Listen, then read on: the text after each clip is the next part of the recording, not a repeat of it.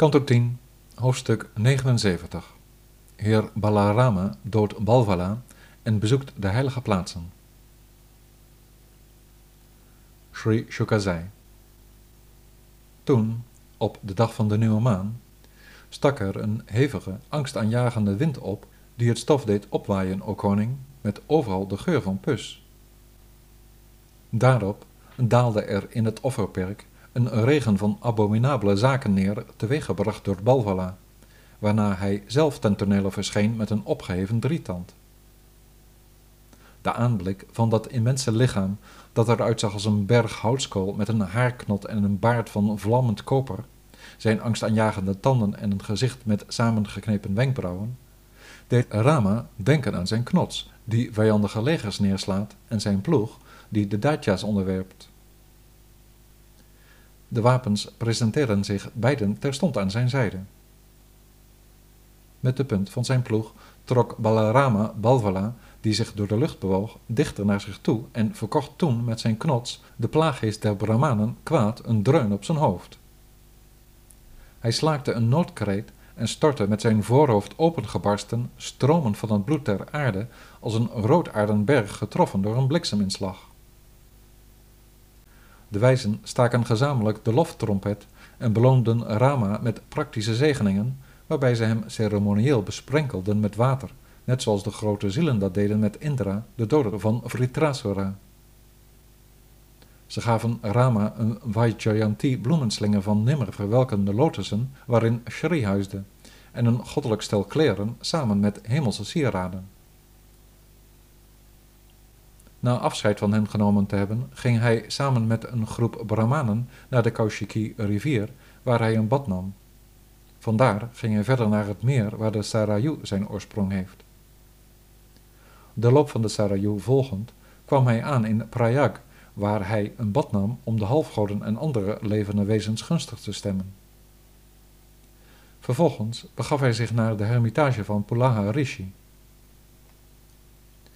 Na zich te hebben ondergedompeld in de Gomati, de Gandaki, de Shona en de Vipasha-rivier, ging hij naar Gaya om zijn voorvaderen te aanbidden en naar de monding van de Ganges om rituele wassingen uit te voeren. Op de berg Mahendra zag hij heer Parashurama.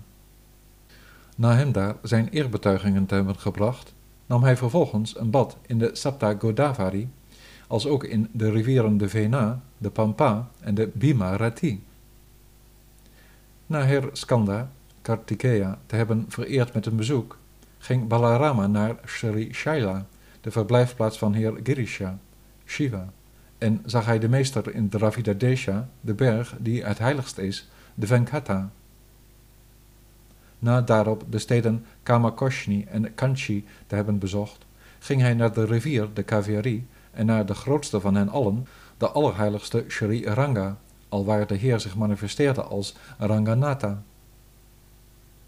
Hij bezocht de berg van de Heer de Rishaba, ging naar zuidelijk Mathura en vervolgens naar Setubanda, waar men zelfs van de zwaarste zonden verlost raakt. Daar zonk de hanterer van de ploeg Halayuda een groot aantal koeien weg aan de Brahmanen.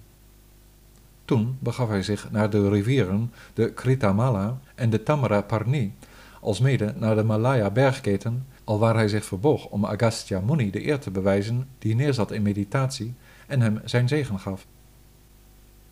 Met zijn toestemming reisde hij verder naar de zuidelijke oceaan, waar hij de godin Durga zag, die bekend staat als Kanya.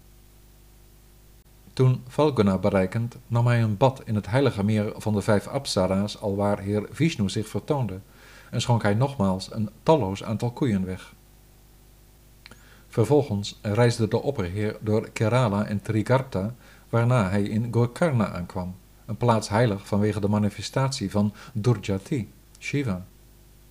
Na een bezoek aan de vereerde godin Parvati, die verblijft op een eiland voor de kust, ging Balarama naar Shurparaka om zich onder te dompelen in de wateren van de Tapi, de Payoshni en de Nirvindya. Toen betrad hij het Dandaka-woud en ging hij naar de Reva, waar zich de stad Mahishmati bevindt. Daar beroerde hij het water van de Manutirtha en keerde hij terug naar Prabhaza. Van de Brahmanen aldaar vernam hij over de vernietiging van al de koningen in een veldslag te Kurukshetra tussen de Kurus en de Pandava's. Hij concludeerde dat de aarde verlost werd van haar last.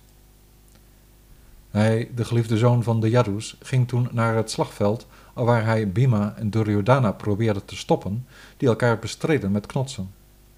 Maar toen Yudhishthira, de tweeling Nakula en Sahadeva, Krishna en Arjuna hem zagen, waren ze stil terwijl ze hun eerbetuigingen brachten met de brandende vraag: Wat wil hij met zijn komst hier ons nu vertellen?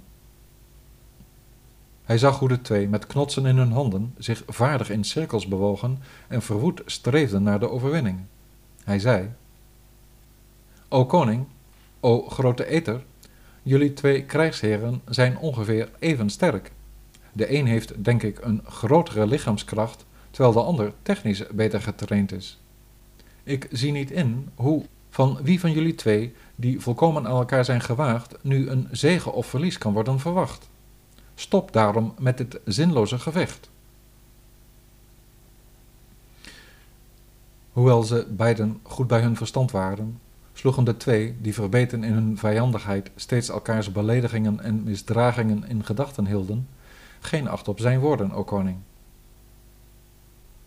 Balarama besloot dat het hun lot was en begaf zich naar Dwarka, waar hij werd begroet door een opgetogen familie onder leiding van Ugrasena.